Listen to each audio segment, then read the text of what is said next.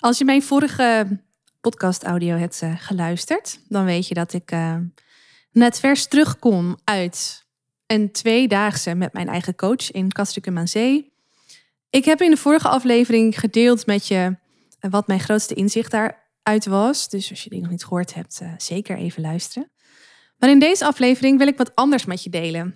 Iets wat ook speelde tijdens die tweedaagse.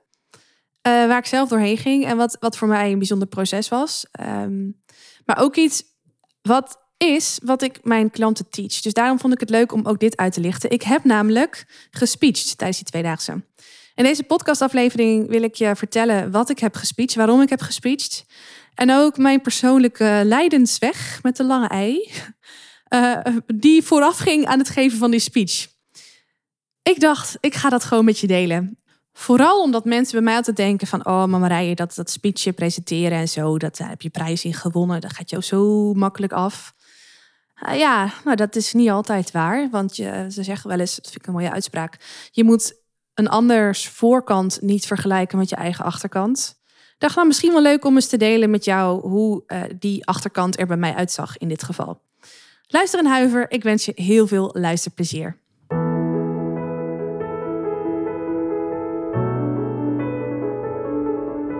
Mijn naam is Marije Wielenga. Is presenteren voor jou van essentieel belang om succesvol te zijn? Zakelijk, publiekelijk of persoonlijk? Dan is deze podcast Stralend Presenteren voor jou. Als Nederlands kampioen in speechen daag ik je uit om boven de saaie zakelijke presentatiestandaard uit te stijgen. En meer dan dat nog, om boven je eigen standaard uit te stijgen. Blijf luisteren om te leren hoe.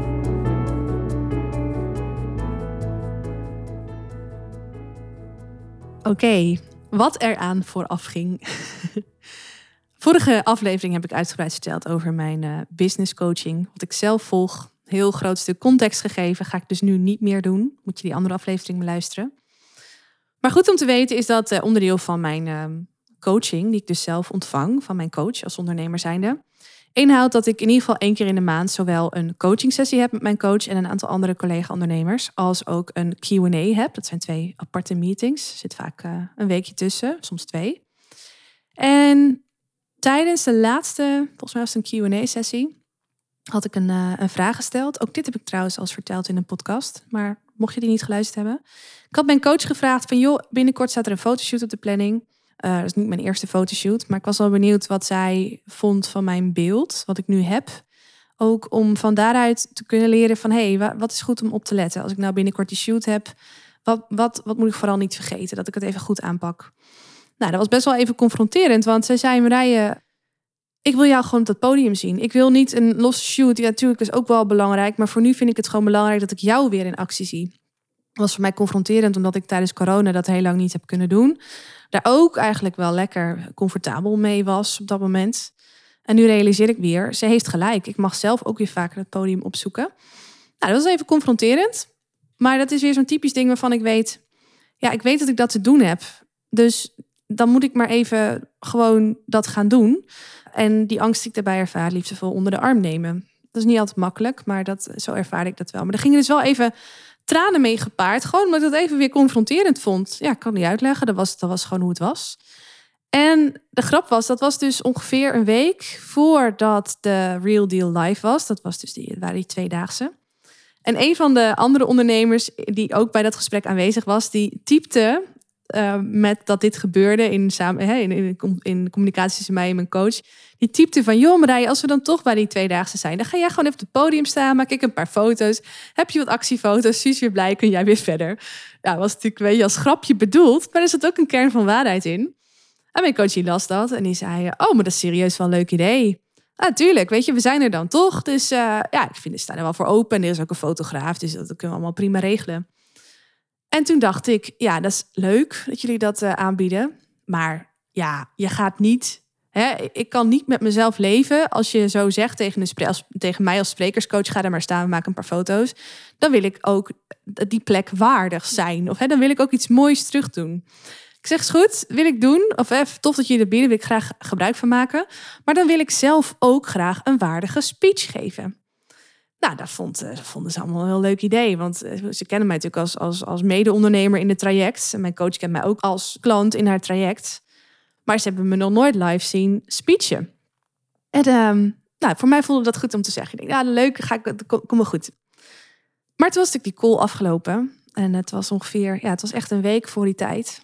En toen dacht ik natuurlijk gelijk van, oh, oh ja, oh ja, waarom? Oh Marije, wat maak je het jezelf weer moeilijk? Want ik had echt een vet drukke week vorige week. Ook omdat ik dus vandaag, ook omdat ik deze week een aantal dagen niet kon werken vanwege die twee dagen en een bruiloft die we morgen hebben.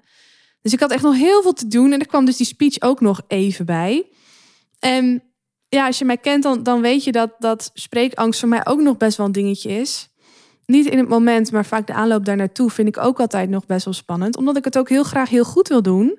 Maar ook omdat ik een soort van, uh, noem je dat ook alweer? Nou ja, ik, heb natuurlijk hele mooie dingen gedaan. Ik heb wedstrijden gewonnen ook. Dus ik voel ook wel een bepaalde druk van als ik daar sta, dan moet het ook echt goed zijn. Dan wil ik niet dat ze achteraf zeggen van nou, nou was dit nou diegene die zoveel jaar geleden kampioen is geworden? Nou, dat viel een beetje tegen, weet je wel? Nee, dan wil ik er ook echt iets neerzetten waarvan men echt onder de indruk is. Dat is altijd mijn streven. Maar dat vraagt natuurlijk ook wel het een en ander voor mij. Dan ga ik niet zomaar even onvoorbereid gewoon even wat vertellen. Hoewel ik weet dat dat ook wel goed zou komen. Maar je snapt wat ik bedoel. Ik wil dat echt even goed doen.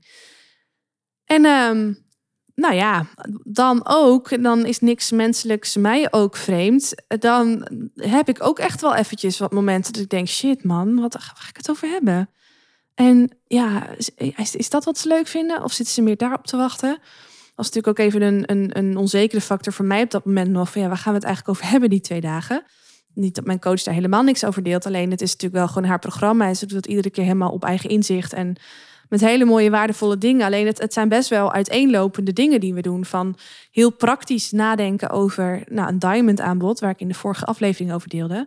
Maar ook best wel spirituele dingen. Um, nu kan nu zeggen, er was bijvoorbeeld ook een gastles bij van een stemtrainer. Nou, dat wisten we allemaal niet van tevoren. Had ze ook nog nooit eerder gedaan. Maar het was echt zo'n gave gastsessie. We hebben zoveel geleerd, maar ook gelachen. En het was ook heel kwetsbaar. Nou, ik zal er niet over uitweiden. Maar het, het geeft me aan hoe, hoe divers het kan zijn. Hoe divers het is. En ik dacht dan ook, ja, als ik dan ga speechen, ik weet nu nog niet wanneer dit is en wat voor thema's en zo. Dus ik wil wel dat het lekker aansluit ik heb daar een paar keer heen en weer over gechat met mijn, uh, met mijn coach en met haar team. Want zij doet natuurlijk al lang niet meer alleen. Dus ook de organisatie moest er goed van op de hoogte zijn. Ook de fotograaf moest er van op de hoogte zijn, et cetera, et cetera.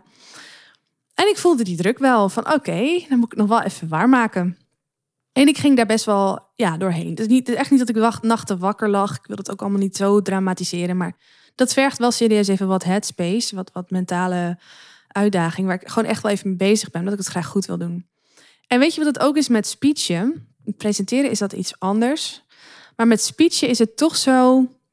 Um, als je ooit eens op een bruiloft hebt gespeecht, dan zul je dat herkennen. Je kunt het overal over hebben. Hè?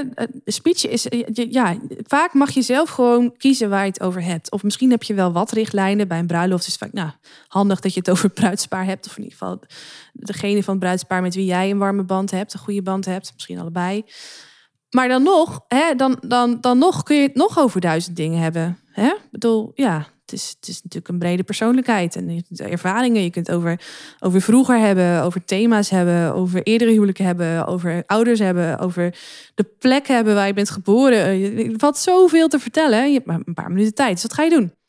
Wat ga je doen? Nou, zo zat ik dus ook te denken, wat ga ik doen? En hoe het voor mij dan werd, het is natuurlijk bij mij lange na niet de eerste keer dat ik speech is dat dat zaadje wordt geplant met dat iemand aan mij vraagt: wil je speechen? Of dat ik dat zelf aanbied. En dan op een gegeven moment dan, dan doe ik mijn inspiratie op. Gewoon gedurende de dag door te doen wat ik anders ook altijd doe. En zo zijn er dan momenten dat ik denk: oh, dat is een mooi haakje. Of hey, dat is een mooi iets. En weet je wat is? Ja, ik wil nou helemaal niet arrogant klinken, maar ik ben natuurlijk, ik zit hierop. Dus ik weet als geen ander hoe je een hele goede speech voorbereidt en opbouwt en ook uitdraagt. Maar het begint wel met inspiratie en daarna is het ook, klopt het dan? Want ik had bijvoorbeeld nu ook, had ik inspiratie. Nou, daar zal ik zo wat meer over delen. Is misschien wel leuk voor jou als je zelf ook regelmatig presentaties geeft en uh, benieuwd bent hoe ik dat doe. Maar dan, dat, ik heb echt anderhalve dag gedacht, oh, dat gaat het hem wel worden. Maar uiteindelijk werd het het hem dat niet, omdat ik het niet ik kreeg het niet goed uitgelegd. En als het niet goed uitgelegd wordt, als ik twijfel of het goed overkomt, dan klopt het niet. Dan moet het toch wat anders zijn. Uh, maar dat is best wel, wat het dan spannend maakt, is niet dat ik denk dat ik het niet meer goed kan doen, maar dat is meer van, hey, heb ik op het juiste moment de juiste inspiratie om hier gewoon echt een vlammend betoog van te maken, of een inspirerend of een mooi betoog van te maken, om echt iets te doen wat past bij wat ik wil vertellen, wat ik wil uitdragen. En die inspiratie, ja, die laat zich niet plannen. Dat snap je. Dat probeer ik natuurlijk altijd. maar dat werkt niet zo. Nee, zo dacht ik op een gegeven moment van, nou, het zou mooi zijn als ik het weet. En voordat ik naar Castricum ga. Ik was de dag daarvoor al uh, onderweg naar Castricum om mooi op tijd te zijn. Maar eh, ik kan dan denken, oh ja, ik zit een anderhalf uur in de auto en, en dan, dan, wil ik het, dan wil ik het klaar hebben in die anderhalf uur. Want dat kan echt wel in anderhalf uur als je het lijntje hebt. Maar vervolgens zat ik in de auto en het idee kwam maar niet. En vervolgens die avond, ik was, was er echt op tijd. Ik heb smiddags nog in het hotel uh, gewerkt. Maar ook daar kwam het niet. En ja, dan begin ik toch echt wel heel zenuwachtig te worden. Ik, ik, zou het, ik zou het de eerste dag gaan doen. Dan is het wel de bedoeling dat ik, ja, dat ik wat heb. En dat wordt dan een beetje spannend. Maar uiteindelijk ging ik om eh, elf uur s avonds of zo nog in bad. Ja, en toen kwam de ingeving. En uiteindelijk heb ik tot half één in bad gezeten. Kijk, ik, ik, ik, hoef, ik hoef dan, ja, zo gevorderd ben ik gewoon. Ik hoef dat dan allemaal niet meer uit te schrijven. Ik weet gewoon, oké, ik moet eerst die boodschap hebben. Die, die ene zin, wat moeten ze doen, laten of nooit meer vergeten. Die had ik al vrij snel. Daarna is de vraag van, wat is de rode draad? Wat is de kapstok waar de hele boodschap aan opbouwt? Had ik ook al vrij snel. Nou, en dan is het een kwestie van oefenen. En dan is het gewoon, ja, dat klinkt ook knullig als ik dit zo zeg, maar dan is het gewoon een kwestie van uh, timer aan en ik begin te praten. En op een gegeven moment zie ik, oh, ik ben al tien minuten aan het lullen en ik ben eigenlijk nog maar halverwege. Begin ik weer opnieuw en dan schrap ik een aantal dingen. En dat doe ik dan net zo lang totdat ik denk, ja, nu heb ik hem gevangen. Ik had ongeveer tien, minuten, dat wist ik. Ik had ook bedacht, er moet een nummer bij komen. Een nummer wat voor mij van grootste betekenis is en wat ook heel erg bijdraagt aan die boodschap. Dus daar moet ook tijd voor zijn. Nou, en om half één s'nachts had ik zoiets van, ja, morgenochtend nog een keertje, maar hij zit er wel in. En toen had ik ook volop, nog steeds wel zenuwachtig hoor, was ik toen. Maar nog wel echt het vertrouwen van nee, wow, ik zie dit wel voor me. Dit komt wel goed. En daarmee dus ook heel veel zin in het moment. Ondanks de spanning die ik daarbij ook heb ervaren. Dus dat is hoe het bij mij gaat. Even een stukje insight over de leidensweg naar de speech toe. En eerlijk hè, want zo ging het uiteindelijk. Uh, op die dag zelf ik, zou die eerste dag zou ik dit dan gaan doen. Maar uiteindelijk, er eh, gebeurde van alles op de dag wat even onvoorzien was. Uh, waarmee het toch eigenlijk niet zo goed past. Dus dan zou ik het de tweede dag doen. Maar je kunt je voorstellen, als, als je de hele dag al voorbereid bent mentaal op ik ga straks een speech geven. En je hoort opeens morgen pas. Het is toch een bepaalde spanning die je dan toch ook nog weer bij je draagt. Totdat die dag twee is en je dan uiteindelijk je speech doet. Uiteindelijk deed ik ook pas mijn speech om vier uur s middags op de tweede dag. Dus ik heb echt, ja, dat, dat, dat voel ik dan wel. Hè, dat, dat draag ik dan wel bij me. Maar gelukkig heb ik, het heeft niet mijn dagen um, zo bepaald dat ik uiteindelijk niet meer kon functioneren of niet meer bij die opdrachten kon zijn. Ik kon het wel min of meer loslaten. Het was een spanning die meer op de achtergrond aanwezig was. Maar ik ervaar hem dus wel. Dus weet, dat heb ik dus ook gewoon nog. Tot zover mijn leidensweg. En die leidensweg is, is ook wel even leuk om te benoemen als je straks gehoord hebt waar de speech zelf over ging. Want dit hele traject is natuurlijk, het gaat over zelfontwikkeling, over ontwikkeling in je business. En iets wat het traject, hè, wat ik volg bij mijn coach, ook wel heel kenmerkend maakt, is dat er is echt wel moed voor nodig om grootste doelen te bereiken. Even los van of je nou dit traject volgt of niet.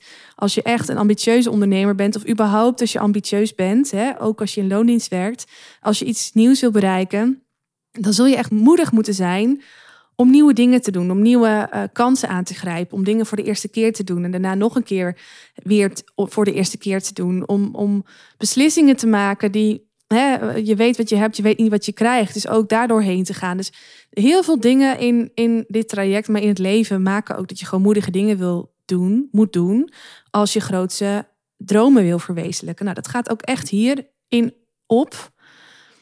En ik dacht, daar wil ik het over hebben. Daar wil ik het over hebben. Nou was er tijdens de vorige tweedaagse was er een moment dat een van de co-coaches een speech deed. Zij kan ook super goed speechen. Heel fijn om naar te luisteren. Jeannette, Jeannette van Dijk heet ze. En zij zei op een gegeven moment, ik weet niet meer exact die speech, maar haar hoofdboodschap was in die speech: je moet de moed hebben om te doen wat je voelt wat je te doen hebt, met de angst die je daarbij ervaart liefdevol onder de arm genomen. En als ik die zo vrij vertaal, dan zegt hij eigenlijk van joh, weet je, het is logisch dat als je iets nieuws doet, als je iets spannends gaat doen, dat er, dat er angst bij komt kijken. En het kan ook heel goed zijn dat die angst je af en toe verlamt om toch een spannende stap te zetten. Met die speech wilden zij ons aanmoedigen om ondanks de angst die je er misschien bij ervaart, toch belangrijke stappen te zetten. Omdat dat uiteindelijk is wat, wat je echt verder helpt. Haar speech begon ook met: Vroeger leefden we in grotten. En iedereen moest lachen van, waar gaat dit heen? Nou, weet je, om, even de context te geven. Vroeger leefden we in grotten. Toen was er nog geen licht en zo. En, en opeens had iemand bedacht dat het misschien goed zou zijn om uit die grot te gaan en, en in het daglicht te leven. Toen werd dat gezien als iets revolutionairs. Van, nou, dat doe je toch niet? Er was moed voor nodig voor de eerste persoon om dit te opperen en dit uiteindelijk ten uitvoering te brengen.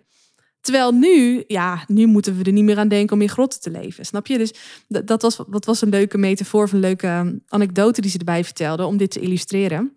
En die zin, uh, heb de moed om te doen wat je voelt, wat je te doen hebt. Met de angst die je erbij ervaart, liefdevol onder de arm genomen. Ik voelde dat die zin iets was waar ik wat mee mocht. Want ik heb daar nog zo vaak aan teruggedacht. En tegelijkertijd gedacht, ja, maar hè, op het moment dat ik het zwaar had en dat ik moed mocht voelen om weer iets te doen. Ook gedacht, ja, is mooi gesproken, Jeanette, maar waar haal ik die moed vandaan als ik hem even niet voel? Als ik even onzeker ben, als ik echt even denk dat, dat, dat niemand meer op me zit te wachten, of dat ik dit niet kan, of weet je, dat te jong ben, of dat ik niet, niet slim genoeg ben, of nou, vul het maar in. Je herkent vaste stemmetjes van jezelf wel. En anders dan heb ik echt, uh, nou nee, goed. Je herkent het vast wel. Iedereen heeft een soort onzekerheid bij zich. Waar vind je die moed als je hem even niet meer voelt? Ik heb die vraag me afgesteld en tegelijkertijd wist ik het antwoord. Want een aantal jaar geleden heb ik zelf uh, ja, echt heel veel moed nodig gehad om mee te doen aan die speechwedstrijden die me uiteindelijk Nederlands kampioen hebben gemaakt. En ik heb toen een bepaald trucje toegepast, wat heeft gemaakt dat ik veel, met veel meer focus mijn speech kon aanpassen. En echt met veel meer focus me super goed kon voorbereiden op die wedstrijden zonder dat ik verlamd werd door gedachten en gevoelens van kan ik dit wel, wil ik dit wel, zit veel op me te wachten. Um, ja, zie je wel, je gaat het niet verder halen dan dit, weet je wel. Die stemmetjes zwommen constant in mijn hoofd eh, en natuurlijk naarmate ik verder kwam, waren, werden ze steeds harder, omdat er steeds meer op het spel stond. Ik was zo zover, nou wilde ik ook graag de eindstreep bereiken. Dus ook die laatste, helemaal die laatste wedstrijd was zo, nou, daar kwam zoveel spanning bij kijken. Je kunt je er iets bij voorstellen. En ik had toen destijds mezelf een oefening aangeleerd om die spanning de baas te blijven. Ik heb hier uitgebreid een podcast over opgenomen. Dus ik ga daar niet meer te veel over uitweiden. Maar het heeft wel een spirituele lading. Wat ik, hè, wat ik toen heb gedaan om die moed te vinden. Om, om die focus te houden. Om die speeches goed voor te bereiden. Het is in een. Um, mocht je nieuwsgierig zijn wat het precies is. Luister even aflevering. Ik heb het even voor je opgezocht. Het is aflevering 33. Met de titel Hoe je mentaal in controle blijft als het spannend wordt. Ga die maar even luisteren als je nieuwsgierig bent. Maar dit, die, het heeft dus, deze truc heeft een spirituele lading. En dat kon in dit gezelschap kon ik dat heel goed vertellen. Want ik weet heel veel mensen die in dat traject zitten, hebben ook iets met spiritualiteit. Of uh, teachen zelfs iets uh, spiritueels. Het is echt heel divers, uh, gezelschap wat bij mijn huidige business coach zit. Dus ik, ehm, ja, wat ik heb gedaan is, ik heb, ik heb gedeeld. Ik heb die quote van Jeanette gedeeld en ik heb verteld hoeveel impact dat maakte. Dat ik daar nog regelmatig aan terugdacht. Maar dat ik ook dacht, ja, maar waar vind je die moed dan als je, als je hem even niet voelt en hem echt nodig hebt om die volgende stap te kunnen zetten? Nou, daarbij gedeeld wat mijn trucje is, wat ik dus in die podcastaflevering deel. En vervolgens heb ik in mijn speech de uitnodiging gedaan. Ik zeg, goh, we gaan straks dat nummer opzetten. Ik wil als je dat doet, dat je je ogen dicht doet. Dat je een hand op je hart houdt en een hand op je buik houdt. Als je niet spiritueel denkt, denk je, oh ja, hier gaan we dan. Ja, nou zo gingen we dan. ik zeg, en wat ik dan wil, ik had helemaal uitgelegd wat dat lied voor mij deed. Hoe ik dat, wat, wat ik voor me zag als ik dat nummer hoor. Ik wil dat jij dan jezelf ziet doen wat je voelt, wat je te doen hebt. Waar echt moed voor nodig is. En ik wil dan dat je ervaart door dit nummer dat je dit kunt. En dat men op jou te wachten zit. Sterker nog, dat dit is wat je te doen hebt. Dat dit echt. Dat je de wereld eigenlijk verplicht bent om dit te doen. ik wil dat je dat voor je ziet. En um, dan eindig ik ook voordat de muziek aangaat met die zin van joh, dus dat dit jou ook mag helpen. Zoals het mij destijds heeft geholpen. En wellicht vaker gaat helpen als ik weer door een moeilijke fase heen ga, waar moed voor nodig is. Zo hoop ik ook dat dit jou mag helpen om, als je het even niet voelt, toch gaat, dat je toch gaat doen wat je voelt dat je te doen hebt. Omdat je door deze oefening dat kunt doen met de angst die je erbij ervaart, liefdevol om je arm genomen. En toen eh, kwam het nummer. En toen stond ik zelf op het podium met mijn ogen dicht en met mijn hand op mijn hart en mijn hand op mijn buik. En de eerste helft van het nummer, weet je, dat is dan zo'n fijn moment. Ik, oh ja, nou kan ik wel weglopen. Ik denk, nee, ik blijf hier staan. Ik ga hier zelf ook even, hè, even doorheen. Want het was voor mij ook gewoon, ik sta ook gewoon een beetje te trillen. Ik denk, nee, is goed Marije. Pak deze ervaring maar even. Stretch jezelf. Dus de helft van het nummer heb ik echt heel braaf geluisterd. Met mijn hand op het hart, hand op het uh, buik en mijn ogen dicht. Daarna dacht ik, ik wil ook even stiekem kijken hoe de zaal dit ervaart. En wat ik kon zien, is dat echt iedereen meedeed. En dat echt heel veel mensen super ontroerd waren. En dat vond ik zo mooi om te zien. Kijk, nou is het natuurlijk altijd een beetje een ego-dingetje. Natuurlijk wil je dat, dat je ziet als je een presentatie geeft dat mensen onder de indruk zijn, geraakt zijn, geroerd zijn of geïnspireerd zijn. Of geef het een, geef het een naam. Dat is egocentrisch, is dat iets moois. Van, ah, is toch een stukje kick of zo. is toch gaaf. Maar ik kon ook voelen, en dat was ook weer een spirituele lading die het voor mij had. Ik was zelf weer voor het eerst sinds corona nou, is niet helemaal waar. Ik heb wel vaker gespeecht, maar niet meer voor zo'n grote groep nog. Ik ben zelf weer even door een hele spannende, uh, door iets spannends heen gegaan. Door een lijdensweg, als ik het even mag dramatiseren, heen gegaan. Om te komen waar ik op dat moment weer stond. Dus ik kon het eerst zelf doorleven om vervolgens over die ervaring indirect Wat mij helpt om dan toch de moed te hebben daar te staan, want dat was het voor mij ook. Om die ervaring en mijn truc erbij door te geven naar hun. En het voelde ook op een ander niveau dan dat ego-niveau echt heel mooi en waardig. En het maakte me heel nederig dat ik dit kon doen. Even los van dat ik die, dat, ik, dat dat door mij heen ging om dit teweeg te brengen bij hun. Ik voelde me daar heel nederig bij. Ik heb dan ook echt die tweede helft. Ik heb daarna toch nog wel weer even mijn ogen dicht gedaan. Maar ik heb ook echt even dat beeld van het publiek. Hoe ze daar zaten. Hoe ik zag dat ze die boodschap echt konden ontvangen. Dat beeld heb ik ook even heel goed in mijn hoofd geprent. Omdat het mij ook weer sterkt voor een volgende keer. Als ik iets weer heel spannend vind of zo. Weet je, dat, dat is gewoon heel fijn. Het is goed voor mijn zelfvertrouwen ook op momenten dat ik dat wat meer nodig heb dan anders. Ja, dat was dus een hele mooie speechbeleving. En het, ja, weet je, op een gegeven moment was het afgelopen en ik ging zitten. En, toen kon ik ze natuurlijk niet meer vanuit het gezicht aankijken, want ik zat zelf een beetje achteraan. Maar ik heb later wel op video's gezien en ook gehoord uh, van hè, de, de organisaties van jeetje, mensen waren echt ontroerd. En dat was heel mooi om te zien. Het was zelfs zo dat daarna echt even zo'n stilte viel van, oh wacht even, moeten we even pauze nemen, zodat iedereen eventjes weer op adem kan komen of kunnen we doorgaan, omdat het ja, ik dacht nog, oh, heb ik nou voor deze grafstemming gezorgd? Oké, maar dat is even grappig gezegd. Maar het was gewoon heel mooi. Het was echt een heel mooi moment voor mij, maar ook, ook het, was gewoon een heel mooi moment. Ik ben er echt heel erg dankbaar voor. En ook heel erg dankbaar dat mijn coach deze ervaring heeft gegeven. Want het is geïnitieerd om, om foto's te maken. Maar uiteindelijk werden de foto's bijzaak. Ben ik nog steeds, ik heb ze nog niet gezien hoor. Maar nog steeds heel blij dat ik kans heb gekregen. En dat, dat er ongetwijfeld hele mooie foto's gemaakt zijn. Maar het was voor mij ook goed om deze ervaring weer even door te maken. Ja, tot zover mijn, uh, mijn eigen spreekervaring weer. Die eh, niet per se makkelijk was, maar die uiteindelijk iets heel moois heeft opgeleverd. En mij dus ook een heel nederig gevoel heeft gegeven. Ik heb jou dit verhaal willen vertellen om je te laten weten dat ik, hè, ook al teach ik hoe je beter presenteert en hoe je als founder een presentatie kunt geven wat recht doet aan de grootheid van je bedrijf, maar ook hè, indirect de grootheid wat je wil betekenen voor de wereld. dat ik dit teach wil niet zeggen dat ik zelf ook niet als mens het nog spannend vind om bepaalde dingen te zetten. En dat is vooral wat ik je heb willen vertellen en heb willen laten horen met deze aflevering.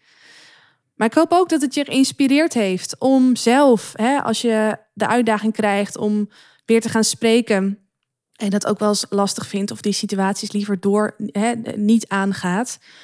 Ik hoop dat ik hiermee mag inspireren dat als jij ergens voelt dat je dit te doen hebt, maar je laat verleiden door de angst om toch te zeggen: nee, doe het niet, of ik pak die kans niet, of ik bied mezelf niet aan. Oh, ik hoop dat je geïnspireerd om dan toch ja te zeggen. Om het dan toch te gaan doen. Het dan toch aan te gaan. Zodat jij ook kunt doen wat je voelt, wat je te doen hebt. Met de angst die je erbij ervaart, liefdevol onder de arm genomen. En als je die situatie hebt, maar je denkt, ja, maar ja, ik, ja, kan die angst even niet uitschakelen of zo. Het, het heeft geen zin om hem uit te schakelen, want dat, dat, dat lukt niet. Hoe harder je er tegen gaat vechten, hoe, uh, ja, hoe harder die terugkomt, zeg maar. Dus daar doe je, het bewijs jezelf geen dienst mee. Maar als je het spannend vindt en je gaat het toch aan, ga dan nog even naar aflevering 33 luisteren. Om dus even te horen wat die truc is die ik heb toegepast en die mij heel erg helpt om, om wel gewoon te doen wat ik voel dat ik te doen heb, waar ik je net over heb verteld. Als je deze aflevering gehoord hebt, laat me dan even weten wat je ervan vindt. Welke inspiratie je hieruit hebt opgedaan. Welke boodschap hier voor jou in zat. Vind ik heel fijn om te horen, echt oprecht. Je hoort het me vaker zeggen, maar ik spreek dit altijd in met mijn microfoon, meestal van achter de keukentafel. En ik doe dat dan met heel veel liefde voor jou. Maar ik weet natuurlijk niet wie je gezicht is. Dus als je, hè, welk gezicht er nu naar me luistert, welk, welke oren er nu naar me luisteren. Dus als je dit gehoord hebt, geef me even een berichtje en laat me weten wat deze aflevering voor jou heeft betekend. Vind ik heel tof. Ik uh, wens je een hele fijne dag en tot de volgende aflevering. Doeg! Is deze podcast waardevol voor je? Abonneer je dan op mijn kanaal om geen aflevering te hoeven missen. En als je dan toch bezig bent, geef je hem ook even 5 sterren via Apple Podcasts. Zou ik echt enorm waarderen. Dankjewel. Onthoud, je drinkt niet door met woorden, maar wel met het gevoel dat je de ander geeft. Tot de volgende aflevering. Doeg!